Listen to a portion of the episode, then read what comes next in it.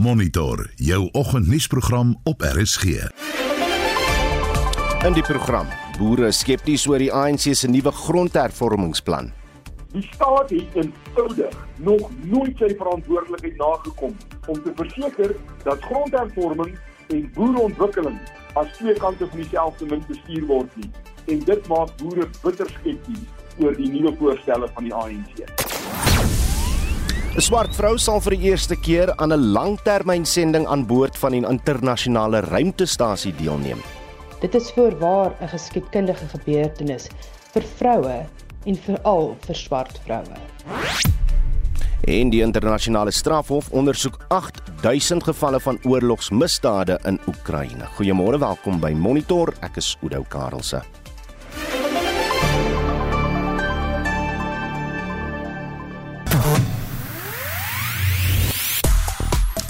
'n konsepbeleidsdokument wat deur die regerende ANC saamgestel is, maak voorsiening daarvoor dat boere en ander entiteite grond vir hervormingsdoeleindes kan skenk. Die besonderhede van hierdie beleid is nog nie wyd bekend nie, maar intussen wil ons by jou weet. Dink jy dit is 'n goeie plan? Stuur 'n SMS na 45889. Dit kos jou R1.50 per boodskap of praat saam op die Monitor en Spectrum Facebook bladsy. Jy kan ook vir ons 'n stemnota stuur na 0765366961. Mamelodi Sundowns is die DStv Premier Liga kampioene en op die tennisbaan slaan die vroue Madrid oop vandag af. Ek is Shaun Jooste en is later terug met meer inligting. Freedom Day is die hitsmerk wat almal aan die praat het na gister se Vryheidsdag.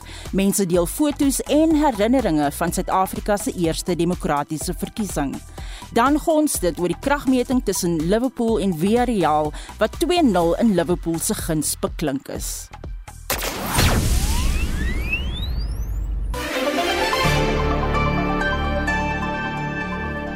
'n konsep beleidsdokument wat deur die regerende ANC saamgestel is, maak voorsiening daarvoor dat boere en ander entiteite grond vir hervormingsdoeleindes kan skenk. Die direksievoorsitter van die landbouorganisasie SAI, Theo de Jager, sê egter boere skepties oor hierdie nuwe voorstel. Die boere is al redelik moedeloos met die manier waarop die ANC oor die afgelope 20 jaar te werk gaan met modelle vir grondhervorming daar's van die beleid wat ontwikkel is binne in die ANC. Ek dink byvoorbeeld aan die 2012 Kongres in Bloemfontein waar die nasionale ontwikkelingsplan as beleid eenparig aanvaar is en in hoofstuk 6 van daardie plan was gebaseer op die vennootskapsgedrewe model wat uitstekend werk. Daar's 'n stuk of 130 van hierdie projekte in die land waar van net so 4 van hulle tot dusver in duie gestort het. So dis iets wat homself bewys het. Maar die ANC het nooit geld daarin gesteek nie. Hulle kom die hele tyd op met nuwe planne en hierdie ene om grond te skenk is nie so 'n nuwe ene nie. Dis al die tweede keer dat hulle hom aanvaar. Hulle hierdie ene die keer is hy nou nog nie aanvaar nie, maar 'n vorige geleentheid is daar in die departement van grondsake 'n fasiliteit geskep waarin boere hierdie skenkings kon maak. Dit het nooit gebeur nie, bloot omdat die reëls daarvoor nooit duidelik was nie. En daar is 'n paar argumente wat al van 2016 af kom teen hierdie spesifieke model. En die eerste argument was dat daar 'n fundamentele foutlyn is in die verwagting dat boere net sommer 'n stuk grond moet skenk. Want wat 'n soort demokrasie verwag jy van die individu om op te dok vir 'n nasionale verantwoordelikheid? Die fiskus moet die koste van grondhervorming dra. Dit is tog nie die huidige geslag grondeienaars en grondinvesteerders wat vir die ongelyke verdeling van grondeienaarskap soos wat ons dit vandag in Suid-Afrika het verantwoordelik is nie. Ons weet nie eers presies wie wat besit in ons land nie. Ons weet nie hoeveel grond die staat besit dit nie. Die staat weet self nie hoeveel grond hy in grondhervorming oor die afgelope 20 jaar aangekoop het nie. So op watter basis kan verwag word dat boere in hierdie absolute chaotiese administratiewe situasie grond moet afstaan, moet skenk. En dan vra boere, presies aan wie skenk ons dit? Is die verwagting dat ons dit skenk aan iemand van ons keuse, 'n swart boer of 'n werker, of is die verwagting dat ons dit moet skenk aan die staat wat dan self sal besluit aan wie hulle dit toeken? As dit dan in die staat moet gaan, is dit aan hierdie selfde groep grondeise amptenare of grondhervormingsamptenare wat verantwoordelik is vir die chaos waarna ons vandag verkeer. Want minister Nkwinti het 5 jaar gelede in die parlement erken dat 90% van alle grond wat in grondhervorming oorgedra is, 'n volslae mislukking is. En die meeste boere wonder waar die ander 10% is. So boere is baie baie skepties oor hier hierdie voorstel. En hulle wil ook weet, gegee dat die staat ongeveer 30% van alle grond reeds besit. En dit is die swakste bewerkte grond in die land. Waarom kan ons nie begin met dit wat op die oomblik leeg lê nie? Hoekom ken ons nie eers die grond wat reeds in die staat se hande is en wat op die oomblik nie bewerk word nie? Hoekom ken ons dit nie eers toe nie? Nou tot watter mate kan hierdie konsepbeleid tot in werking tree? Kom ons sê nou maar dat daar boere wat positief is oor hierdie model en wat bereid is om 'n gedeelte van hulle grond af te staan ter wille van vrede. Gaan daardie boere op enige manier 'n waarborg kry dat hulle dan van die hoek af is vir grondhervorming vorentoe en nie verder geteken sal word nie. En wat is die integriteit van so 'n waarborg? Hoe sou daardie boer die regering vertrou hiermee. Maar kom ons sê nou dat daar boere is wat wel sê ek is bereid om 'n sekere deel van my grond af te staan. Dink jy nie dat die boere, elke boer, dan die swakste deel van sy grond sal afstaan? Daardie deel met die swakste opbrengste. En waar laat dit ons dan oor 20 of 30 jaar van nou af? Met al die swakste gedeeltes van plase in die hande van swart eienaars, ons gaan mos nooit 'n klas van winsgewende swart boere op so 'n manier vestig nie. Of is die verwagting dat 'n boer van die beste gronde moet afgee? En ons sukkel al 25 jaar om vir die departement van grondsake te sê grond is nie net grond nie. 'n Hektaar grond in onder besproeiing in ons omgewing is min of meer 50 000 rand werd saam met die water. Maar as dit geplant is, moet makadamias of avokado's dan dit tussen 600 000 en 700 000 rand per hektaar werd wat word van daardie investering. En boere doen nie daai investerings met enige vorm van staatshulp nie. Die staat het eenvoudig onder die ANC se bewind nog nooit sy verantwoordelikheid nagekom om te verseker dat grondhervorming en boereontwikkeling as twee kante van dieselfde munt bestuur word nie. En om hierdie rede sit ons onder die druk waaronder ons sit op die oomblik en dit maak boere bitter skepties oor die nuwe voorstelle van die ANC. En dit was die direksievoorsitter van die landbouorganisasie SAITU de Jager in gesprek met Vincent Mofokeng. Ons praat nou verder met die voorsitter van die Sernik groepe Nick Serfontein wat ook op die raadgewende taakspan van die inter, interministeriële komitee vir grondhervorming gedien het. Goeiemôre Nick. Goeiemôre Udo, Udo en jou luisteraars. Ons het nou by Tieu gehoor. Ons het ook maandag by Christo van der Rede van Agri SA ge, uh, gehoor in 'n geselsie dat hierdie hierdie plan niks nuuts is nie. Dit sal vir 'n geruime tyd deel van die soort van meesterplan vir uh, plan vir grondhervorming. Hoekom dink jy nik word daar nou juis weer nuwe lewe hier ingeblaas? ek verstaan dit nie. Uh maar maar maar Udo, kom ons kom ons begin net by die begin en ek wil net duidelik stel. Ek glo dat solank as ons nie suksesvolle grondhervorming in Suid-Afrika kry nie, gaan ons nooit vrede hê nie. Hmm. En wanneer ons nie vrede het nie, gaan dit 'n ewige geveg wees en dit gaan onsekerheid veroorsaak. So ek is te gunste van grondhervorming. Die vraag is wat uh, ons moet vra. Wat is suksesvolle grondhervorming? En suksesvolle Theo het verwys na Theo het verwys na 90% plus van alle grondhervormingsprojekte wat val in mm. Afrika. Hoekom? Dit is omdat grond uitgedeel of toegeken word sonder enige ondersteuning en meestal aan polities gekonnekteerde mense wat niks weet van boerdery af nie. Mm. In my in, in my taal is grondhervorming die vestiging van suksesvolle boere. Dit gaan nie oor die uitdeel van grond nie. Wat jy nodig het om, om boere suksesvol te vestig is eenvoudig. Dis nie rocket science nie. Wat jy nodig het is die boer moet toegang hê tot grond. Het sy dit 'n huurkontrak of 'n titelakte? Hy moet opleiding kry, want sonder opleiding kan jy kan jy nie boer nie. Jy daar moet basiese infrastruktuur wees. En ja. in die, in die geval van ons in Vrystaat waar ons die beste boere het, jy, jy het water nodig, jy het heininge nodig, jy het hanteringsfasiliteite nodig. Dis nie baie geld om 300 000 rand te plaas. So jy moet toegang hê tot kapitaal. Jy moet moniteer, jy moet mentorskap hê. Niks meer is dit. Dit is so eenvoudig as dit. Nik, as ja. ek nie As ek net kan kan inkom daar. Deel van die dokument stel voor dat kerke, munisipaliteite, staatsondernemings aangemoedig word om ook grond te skenk direk aan behoeftiges of aan hierdie sogenaamde agentskap. In sigself blyk dit 'n goeie idee te wees om te verhoed dat grond wat ons nodig het vir behuising weggehou word van grond wat ons eintlik brood nodig het vir landbou. Maar maar hoekom die onderskeid op daai vlak maar dan nie met die boere nie? Kyk jy, ja, kyk van die voorstelle wat uit die paneel uitgekom het was dat dat dat ja, ehm die die kerke betrek word by grondskenkings laat die mynbou uh uh die myne uh, tot die tafel moet kom. Nou jy weet die myne hulle moet iets doen. Nou hulle is nou hulle het nou ewe skielik wakker geskrik en hulle daar meeste van die myne begin nou met sekere projekte op hmm. hulle gronde om om beginnerboere te vestig.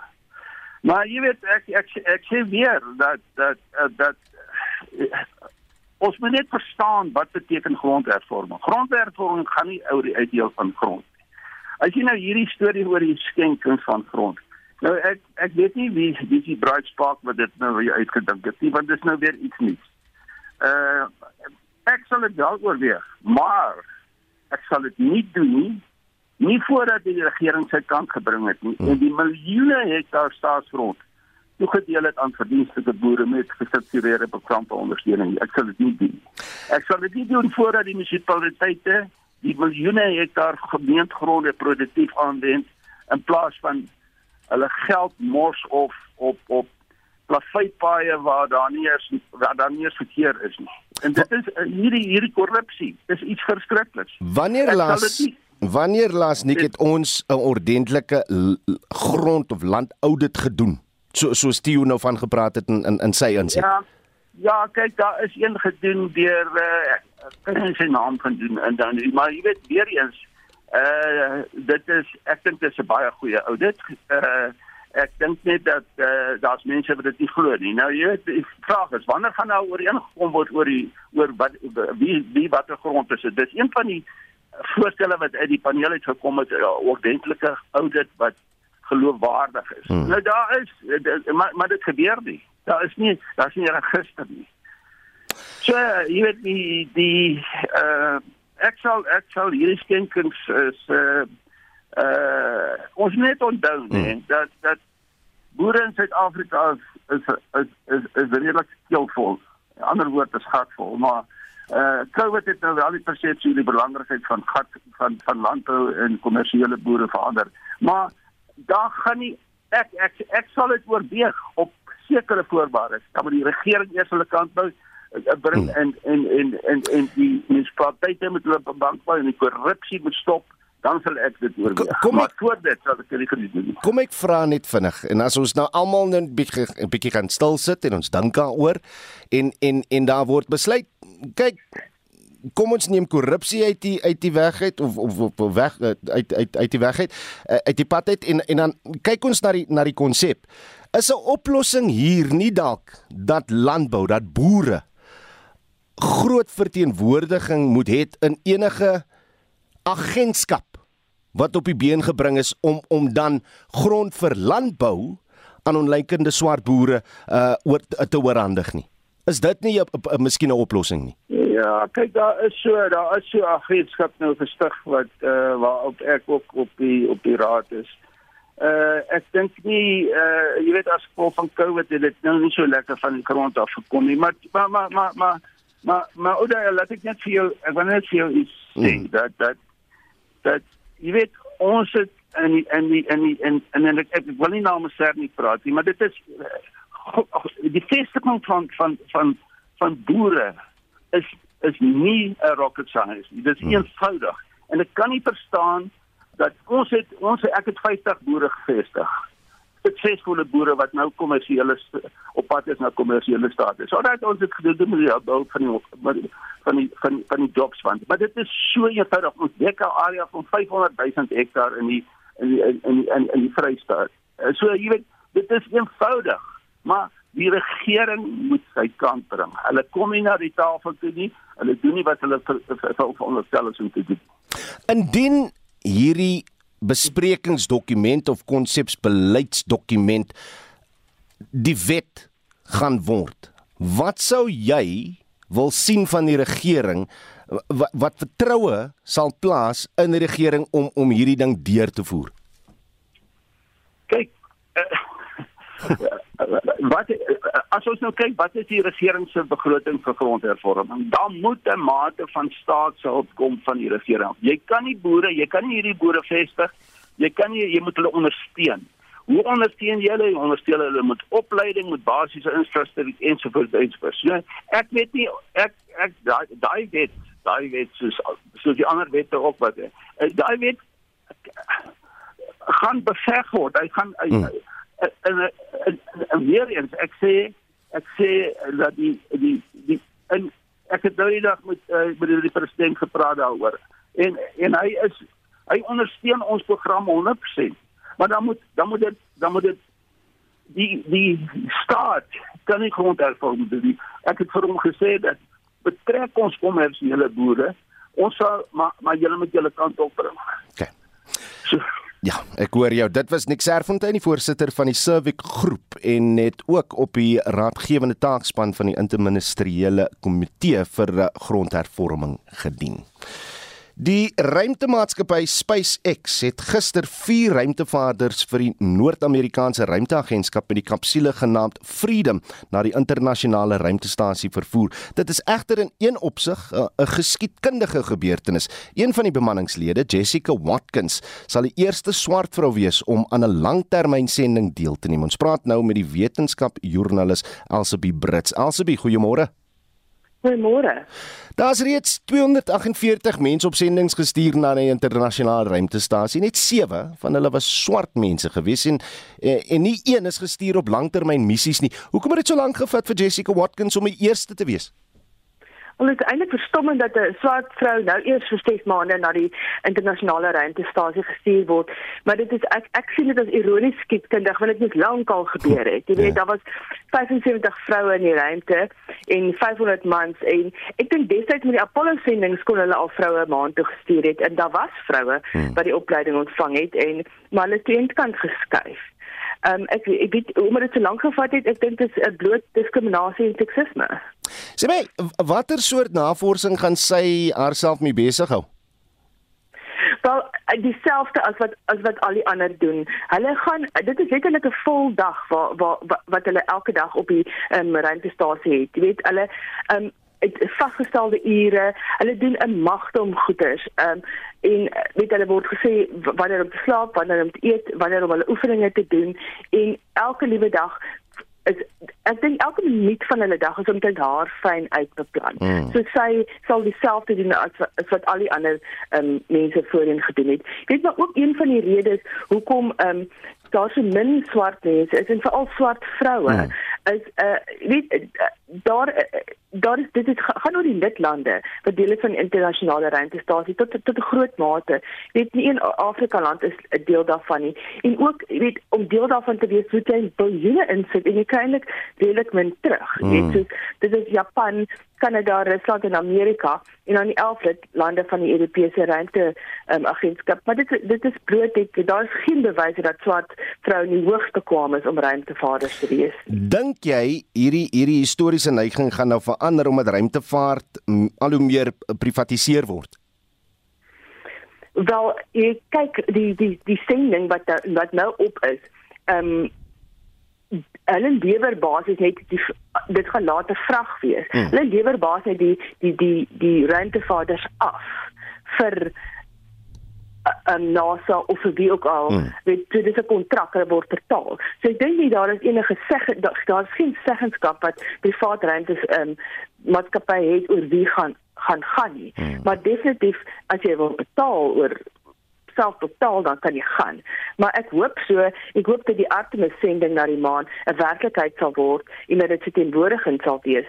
Daar uh, van die kandidate wat opgaan, daar's 18, is 9 vroue. Mm. En mag dit die eerste mens wees wat weer 'n voet op die maan sit, nou 'n vrou gaan wees en definitief ook op op Mars dalk eendag, ehm um, dat dit 'n vrou gaan wees. Ja, on, ons moet die naam Jessica Wat Watkins goed onthou want dit dit mag dalk sy wees wat dit doen want ek sien sy's ook op die lys van die van die ruimtevaarders wat nou deel gaan wees van projek Artemis wat beoog om voor 2025 die mensdom te laat gaan verken op die maan se oppervlak weer. Maar maar hoekom wil ons nou weer terug gaan maan toe? dit dit is 'n belangrike daar daar's 'n belangrike rede hoekom ons weer terug wil gaan maan toe. Ehm um, daar's groot dele van die maan wat ons wat ons nog nooit geself ehm um, um, fisies onder ondersoek het nie. Maar dit is dit dit is weer 'n oefenloopie want daar is baie goeie redes dat jy dalk eers wil ehm um, met mense op 'n plek byvoorbeeld na die na die maan te stuur. Ehm um, jou nuwe vaartuie, onthou die Apollo tye hmm. was en en ons het nou met kyk dis 'n Model T Ford vergelyking met 'n Jaguar. so jy gaan nou met 'n nuwe met 'n nuwe tye, jy sou alles weer toets, jy mense fiks maak, hmm. fiks in terme van 'n ver reis, en fiks maak om maan toe te gaan en dan Mars toe. En dan is ook nuwe idees dat ons byvoorbeeld na 'n plek sou toe gaan. Um, tussen ver aan 'n kan die maan, jy weet dan wentel jy net daar op 'n plek rond. Hmm. Jy kry jou vrag soen toe en en dan van daar af gaan jy dan weer Mars toe om om die klein um, om, om die verskriklike verskriklike afstand wat jy moet ry. Ehm um, dat jy dit dit bietjie korter kan maak want dit is 'n dit is 'n baie lang reis wat baie sleg is vir mense. So kry eers 'n bietjie weer alles okay. opdreef na amper 40 jaar wat die laaste persoon um, op die maan 50 jaar na die laaste persoon op die maan was en oefen weer 'n bietjie jou tegnologie. Asbe Brits ek sê vir jou baie dankie vir jou tyd en Asbe Brits is 'n wetenskapjoernalis. Jy luister na Monitor elke weekoggend tussen 6 en 7. In die hoofnuus gebeur het die COVID-19 toetspositiwiteitskoers het vir die eerste keer in etlike maande tot bo 20% gestyg en staan op 20,1%. Operasie Dudula beoog om weg te doen met onwettige mynbedrywighede in die Noordwes. En ons praat met Tikse hoof rugby afrigter Nico Lees na hulle oorwinning maandag teen Maties University Cup.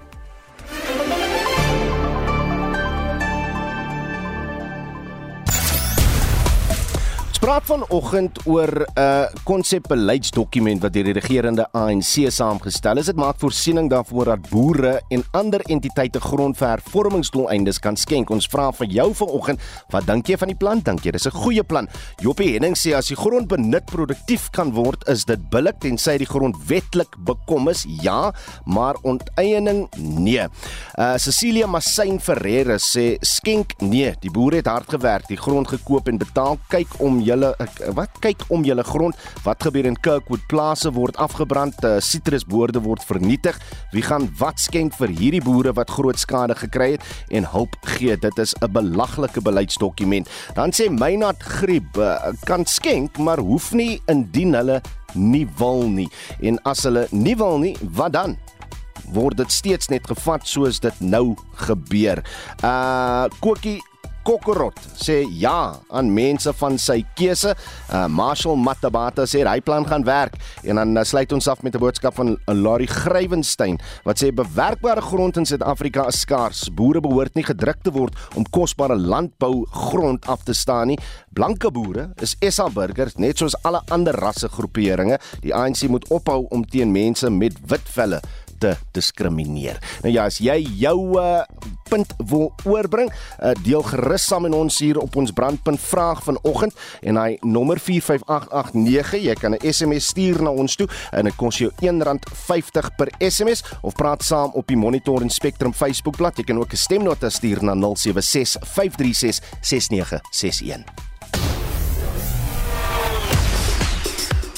tyd vir die jongste sportnuus en uh, Shaun Jooste staan by. Goeiemôre Oude. Môre Shaun. Uh, Mamelodi Lodi Sundowns gister weer as plaaslike kampioene gekroon. Hoe, hoe gemaklik was die seisoen vir hulle en is daar nog enige hoop vir uh, die ander spanne volgende seisoen?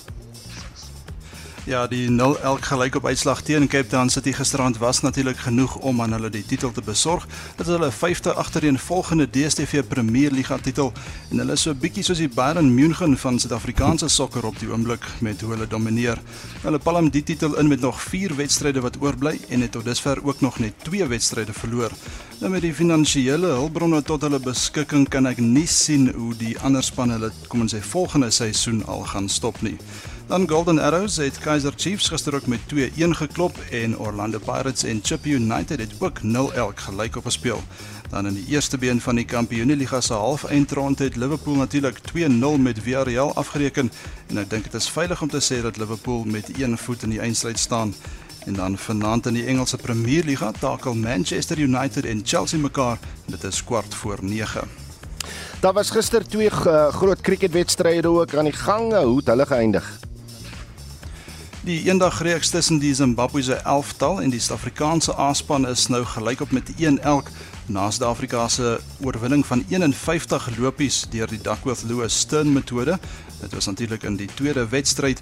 In Suid-Afrika 266 op die tellbord geplaas. Riza Hendricks 102 en Ryan Rickelton 63 lopies aangeteken. Zimbabwe was op 93 vir 4 toe swak lug spel onderbreek. Die beslissende wedstryd vind môre plaas. Dan in die IPL reeks is die Gujarat Titans weer terug as die voorlopers op 14 punte nadat hulle die Sunrisers Hyderabad met 5 paaltjies geklop het. Die Delhi Capitals en Kolkata Knight Riders pak mekaar vanmiddag 4uur. Dan is daar ook 'n groot vroue tennistoernooi wat vandag begin. Ja, dit is die Vroue Madrid Ope wat vandag afslaan en in die eerste eerste ronde stap die derde gekeerde Aryna Sabalenka van Belarus teen die Amerikaner Amanda Anisimova en die tweede gekeerde Spanjaard Paula Badosa teen die Rus Veronika Kudermetova op die baan uit. Die wêreld se voorste vroue speler, Iga Swiatek van Pole, korte blaaskans en sy sit natuurlik dan die toernooi uit. Sy is egter weer terug vir die Ope in Rome wat op 9 Mei begin en dan ook vir die Franse Ope wat op die 22ste Mei afslaan. En dan word ons ook bederf met heelwat uh, golf, PGA Tour, DP Wêreldreeks en ook die Sonskynreeks. Ja, die PGA Tour se Mexico Ope slaan vanmiddag kwart voor 3 af met net een Suid-Afrikaner in die veld, dit is Dawie van der Walt. Die wêreldnommer 2 Gon Ram van Spanje is die hoogste geplaaste speler vir daardie toernooi. Die DP Wêreldreeks se Katalonië Kampioenskappe begin vanmiddag 2 uur in Spanje met 11 Suid-Afrikaners wat deelneem. Dit sluit Oliver Becker en die Du Plessis, Darren Figard, Zander Lombard en ook Brandon Stone in. En dan die Sonskynreeks se Tourkampioenskappe slaan half 9 in Kempton Park by die Serengeti Golf and Wildlife Estate af. En van die groot name wat daar in aksie sal wees is JC Ritchie, George Coetzee, Justin Harding en ook Wilco Ninaber en totale prysgeld beloop 1.5 miljoen rand. En dit was ons sport sportkorrespondent Shaun Jooste. Kom ons praat nou 'n bietjie rugby want Bernard van der Linde het die Wendrie in die 78ste minuut gedruk nadat Tuks maandag aan 'n dramatiese terugkeer gemaak het gedurende die Varsity beker eindstryd teen Maties in Stellenbosch. Dit was Tuks se vyfde titel wat hulle gelykop en Maties stel. Tuks is ook die eerste span ooit in die Varsity beker geskiedenis wat vanaf 'n vierde plek op die uh, liga lys of punte leer die Varsity beker titel kon wen. Die oorwinning van uh, 29-23 was Tuks se eerste oorwinning in die Dani Kra Kruiven Stadion sedert die 2013 Varsity beker eindstryd. Ons praat nou met Tuks se hoofafrigter Nico Lies. Môre Nico. Goeiemôre.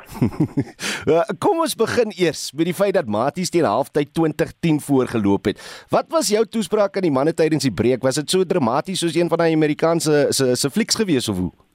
Nee, glad nie. Ek dink op daai stadium was dit net gewees ons net kalm bly, ons moet op prosesse glo. Ehm um, en ons het in die semifinale het ons gesien as ons net glo in ons prosesse dan gaan dit gebeur en ek hoor dit was net 'n gevoel gewees ons is so naby. Hmm. Dis klein verskilletjies in die wedstryd gewees. Ons dissipline was nie goed gewees nie en as ons dit kan beter kry, ons definitief vir glas nog steeds die wedstryd wen. Neem my, neem die luisteraar, net so vinnig terug na die laaste 3 minute of so. Julle julle is nog 23-20 agter. Die kamera het eintlik op jou gefokus op hy oomblik. Net voor hy doellose skoppie uh wat jou heel agter uh, Stefan Kutsie opgetel het uh, en begin hardloop. Het vertel net vir ons luisteraars wat nou nie gekyk het nie, wat wat het van hy punt af gebeur, Nico? ja, dit is eintlik ongelooflik ek ek moet eintlik 'n replay gaan kyk om kyk wat het regtig werklik gebeur en goeders. Ehm um, ons het ge, hulle die bal gehou en hulle het hom goeie 2 3 minute gehou en ek het gevoel oh, iewers gaan se turnover moet maak, maar hulle was klinies die hele wedstryd hmm. gewees hmm. rondom hulle afbreekpunte en goeders. En toe daai skop kom en Stefan Kutse vat die bal. Ek wil net amper so 'n blur, maar ek bedoel laat pas die eerste oorklag het ek ook gedink dit dalk voort ek moet eerlik wees. Okay. Ehm um, en toe die drie druk het ek gesê kom ons skop net want as ons geskop het kan hulle nie refer met die wit kaart vir daai is nie daarste beker nie. En toe die replay opkom sê ek nie ons is safe hy dit dit lyk iets by vorentoe nie. Ja. En Ja, daai laaste twee minute het my seker 40 jaar ouer gemaak. het jy sedert die wedstryd eh, wat jy sien nou mense mense doen nou beriggewing oor die feit dat Maties uh uh, uh, uh, uh, uh hulle moes eintlik hy wedstryd gewen het. Het jy nou weer gaan kyk na daai 3 net om weer seker te maak Nico? Ek het 'n paar keer gaan kyk om seker te maak, maar hy staan in die boeke en, en die oggend volgende oggend in die koerant was die skoor gewees 29-3 so. Ek is baie gelukkig dat daar al 'n paar ander goed wat ek gevoel het dalk ons kant kon gekom het, maar dit strek nie. Sommige um, van daai goals kom vir ander gaan teen jou en ons is ja. gelukkig om te sê hierdie was 'n 50-50 wat ons kant toe gekom het. Ja kyk uh, uh, met tegnologie en sport daar sê hulle mos you take the good with the bad. Uh, daai dag was vir julle 'n baie goeie dag. Maar om dit op die Dani Kruiven stadion te kan doen voor hulle tuiskare. Ek, ek weet nie of jy deel was van die van die uh, die stelsel 2013 nie, maar maar, maar hoe het vir jou gevoel om dit daar te kan doen?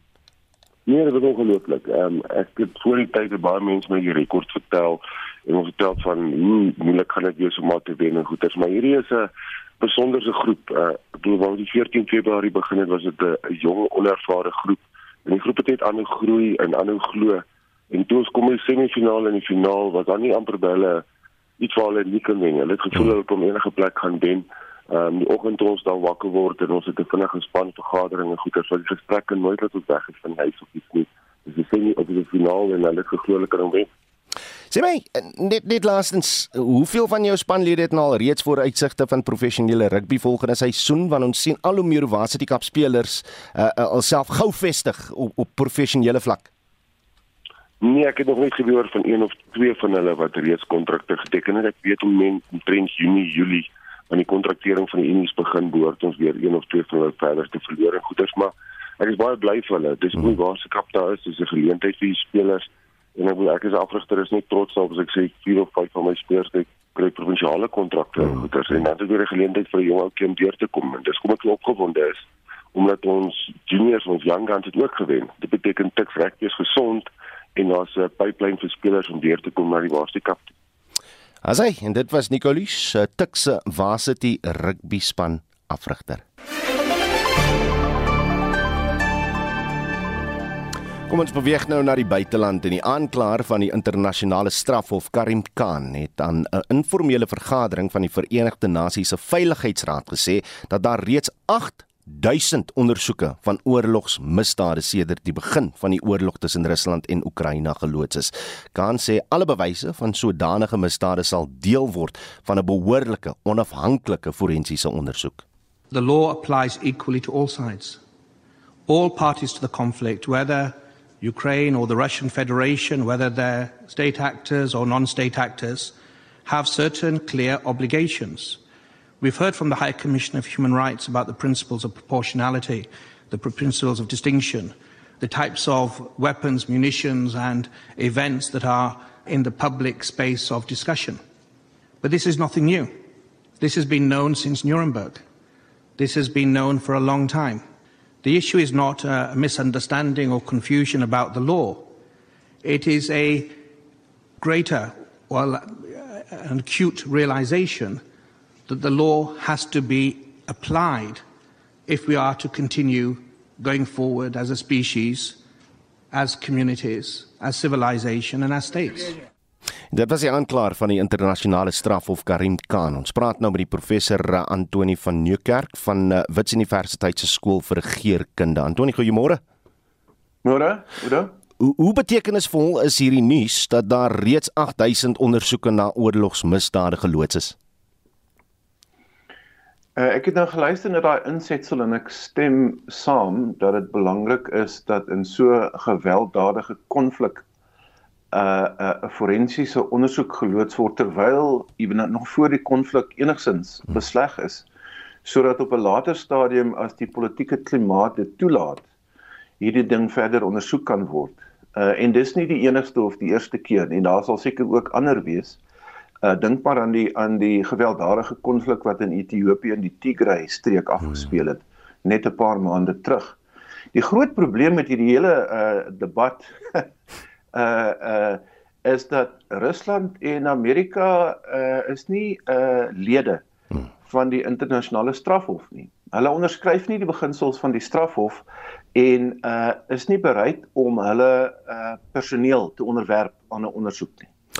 Ja. Uh met ander woorde, ja. wie gaan die Russe nou na die strafhof toe vat? Hmm. Of as die aanklagte kom, onthou vir El Bashir van van uh, Sudan wat ook aangekla is en ons is 'n lid Suid-Afrika 'n hmm. lid van die hmm. strafhof en ons het die politiek het nou maar nie toegelaat dat die man in uh, in hegtenis geneem word nie. So die groter probleem is, die russe gaan gaan eenvoudig hulle self afvee aan hierdie poging uh, vir reg en geregtigheid. Die uitsprake deur Khan kom ook 'n dag na die sekretaris-generaal Antonio Guterres se se besoeke aan Kiev en Moskou. Wat kan 'n mens van hierdie soort diplomatieke pogings verwag want want as jy as jy die beriggewing kyk eh, was dit amper 'n doellose besoek deur Guterres of hoe? Sjoe, ja. Mens kan nie uh, mens kan nie anderster uh weer uh, anderster dink as om skepties te wees oor die vermoë van die Verenigde Nasies om so 'n uh, 'n uh, prominente uh en um impakvolle konflik aan te spreek nie. Mm. Dis eintlik so my my opinie is dat die Verenigde Nasies uh wat is geparalyse, 'n soort van verlam. Mm.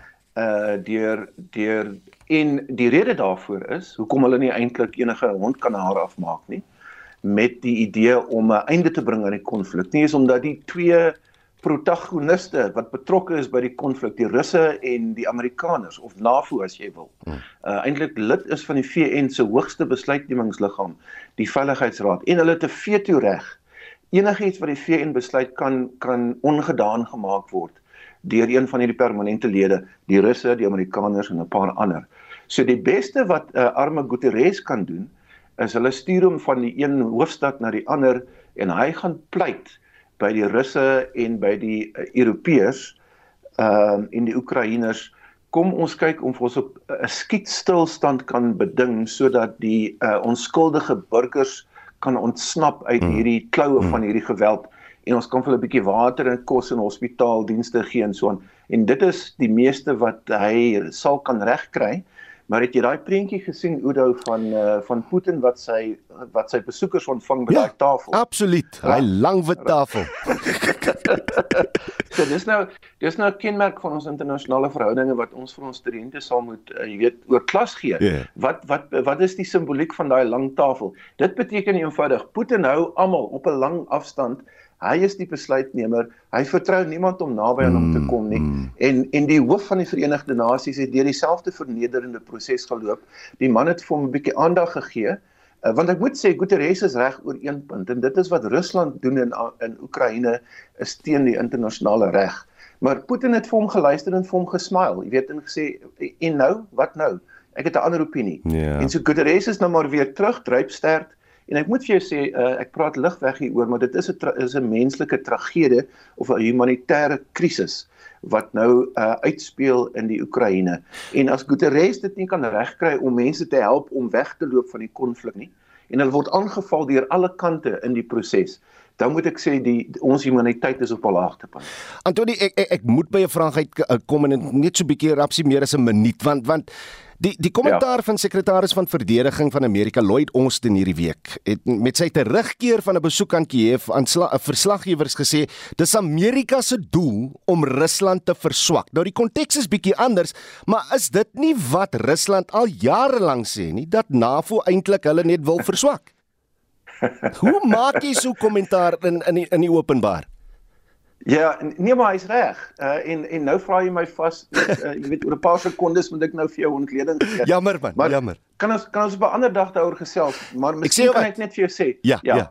Ek sê jou wat. Ons bring ons bring jou môreoggend weer terug Dan dan tel ons by hierdie punt op en en dan kan ons okay, net 'n bietjie meer breedvoerig praat oor wat in Oekraïne gebeur en en en hoe ons by 'n uh, skietstilstand uitkom. Ja? Ja, goed so. Reg. Okay, ons maak so daar sê. Antonie van Nieuwkerk daar uh, van die universiteit uh, natuurlik van uh wat is dit Witwatersrand? Ja, ek het hom nou net heeltemal verloor hier. Maar dis daar's hy, Universiteit Wits uh, se skool vir regeringskunde. Kom ons skuif nou aan en uh, die regering se optrede na die oopmaak van die St. Lucia riviermonding deur die Isimangaliso Vlei Landpark in Januarie 2021 ten spyte van wetenskaplike aanbevelings daarteen word vandag bekend gemaak. Die minister van omgewingsake, Barbara Krisi, gaan aandui hoe sy die bevindinge van die paneel wetenskaplikes se verslag oor die voorval gaan bestuur. Mitsi van der Merwe doen verslag. Die St. Lucia riviermonding word alreeds 70 jaar lank deur menslike ingryping benadeel. So sê die voorsitter van die Suid-Afrikaanse Vlei Lande Vereniging, Dr Lulu van Rooyen. Vlei lande speel 'n belangrike rol om vloedwater te reguleer en hou sediment uit die riviermonding, maar die mense-inmenging het egter die dinamika versteur. Die oorspronklike skade was die siltering van die riviermonding as gevolg van die vlei lande wat droog gelees en so aan. En toe om die riviermonding kunsmatig oop te hou, wat gebeur is jou meer wat 'n baie fyn balans het van sout en vars water word heeltemal omvergegooi. As jy die mond heeltyd oop hou, al die vars water in die meer vloei uit in die see in en ook die seewater kan terugloop in die meer in. Daar is hierdie amper onnatuurlike filtrering van sout en varswatervlakke in die meer. Die ander probleem is in tye van droogte wanneer die vars water uit die meer na die see vloei daar was 'n verskriklike droogte. Ag mense sal onthou, hulle het foto's gesien in die media van dat hierdie die St. Lucia meer is op sy laagste ooit. Sulke foto's van skapeers in die verte en dan kan jy inloop vir omtrent sekere kilometer voor jy die water bereik en dit lei dan tot verskriklike ekologiese probleme soos die vispopulasie en al die ander fauna en flora daai stelsels wat amper kollaps. En omdat dit so 'n dinamiese stelsel is, is dit regtig moeilik om te bestuur want jy moet eers daai fluktuering verstaan, wat is natuurlik en dan moet jy verstaan wat se impak het die mense gehad oor dekades, waar trek net die streep tussen wanneer mense moet ingryp en wanneer nie. Die paneel is aangestel nadat die Isimangaliso Vlei Park verlede jaar teen die aanbeveling van 'n baie duur internasionale studie dat die riviermonding nie oopgemaak moet word nie, dit wel gedoen het. Die Isimangaliso Park is 'n wêrelderfenisterrein. Op 6 Januarie het die Isimangaliso Wetland Park gestaan in strandversperring wat die meer en die riviere se inloop skei van die see af kunsmatig gaan verwyder. Direk in teenstelling met aanbevelings wat gemaak was in 'n gedetailleerde wetenskaplike studie gedoen deur 'n hele klomp wetenskaplikes nasionaal en internasionaal. Die kankel in die kabel is dat die park deel was van die studie maar die groot probleem was was dat Isimangaliso en ook die departement van omgewingsake was deel van hierdie studie en hierdie navorsing wat oor 5 jaar of so plaasgevind het. Hierdie studie van die Jeff 5 dit is 'n multimiljoen rand se ekologiese restaureringsprojek. Dit word befonds deur die World Bank en dit het nou van 2014 tot 2017 net plaasgevind. Dit was ek dink 'n groep van 28 wetenskaplikes in 'n multidissiplinêre span wat na klomp goeie gekyk het. Die navorsing het data van die 50er jare gebruik. Nuwe navorsing is gedoen. Hulle het gekyk na hidrologie, na die ekonomie, na die ekologiese funksionering, na die sosiale aspekte, so die gemeenskappe rondom die park. En hierdie studie het op die einde bevind dat ons ophou moet ingryp in die funksionering van die riviermonding en van die meer. Die natuur moet sy gang gaan Die paneel moes gaan ondersoek of die verslag van die internasionale studie nog geldig is en of daar uitsonderlike omstandighede is wat gelei het dat die monding oopgemaak is. Die minister moet nou bekend maak wat die uitwerking van die stap op die omgewing was en hoe sy dit gaan bestuur toe die groep mense wat betrokke was by hierdie Jeff projek het toe 'n oop brief geskryf aan die minister en gevra dat sy moet ingryp want dit is so direk in teenstelling met presies wat die departement bevind het moet gebeur. En daar was ook hofuitsprake.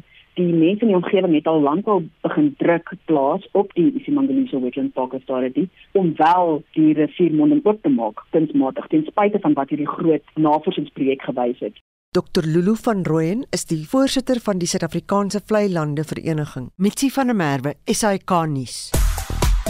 Ons kyk net na julle terugvoer oor die vraag wat dink julle oor die konsep beleidsdokument wat deur die regerende ANC saamgestel is dat eh, boere en ander entiteite grond vir hervormingsdoeleindes kan skenk.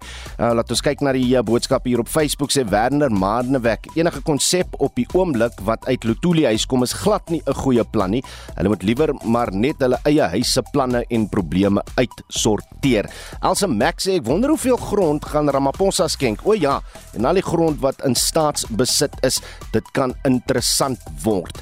Rex Bester sê verskeie uh, faktore is van belang. Uh, Byvoorbeeld, gaan 'n boer sy plaas of 'n gedeelte aan sy enigste seun kan skenk indien laasgenoemde geen bela belangstelling in boerdery het nie, geen ondervinding en met die risiko van 'n toekomstige finansiële las. Jan Viljoen sê nee, die staat het grond wat hy aan armes kan oordra mits hulle bewys het dat hulle kan boer of soek die armes net blyplek om uh, te plak sê Jan van Leon.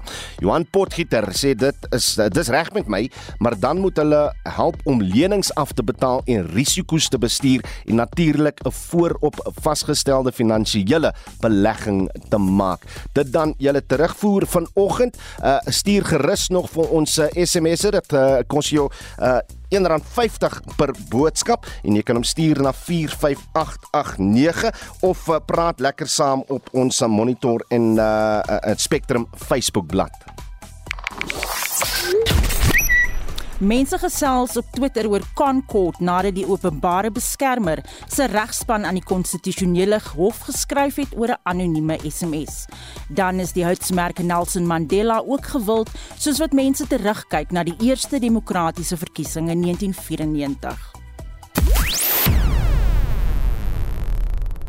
Wel, groet ons naam ons uh, die uh, julle monitor span ons groet namens ons uitvoerende regisseur in die kalender. Wie ons redakteur vanoggend is Hendrik Martin, ons produksieregisseur is Johan Pieterse en ek is Udo Karelse.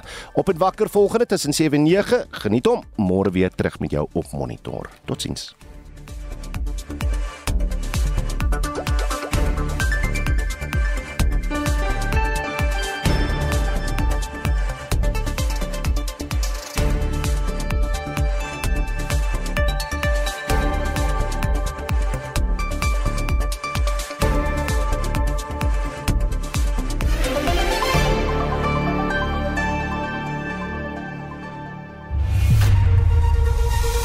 SAK nuus. Onafhanklik, onpartydig.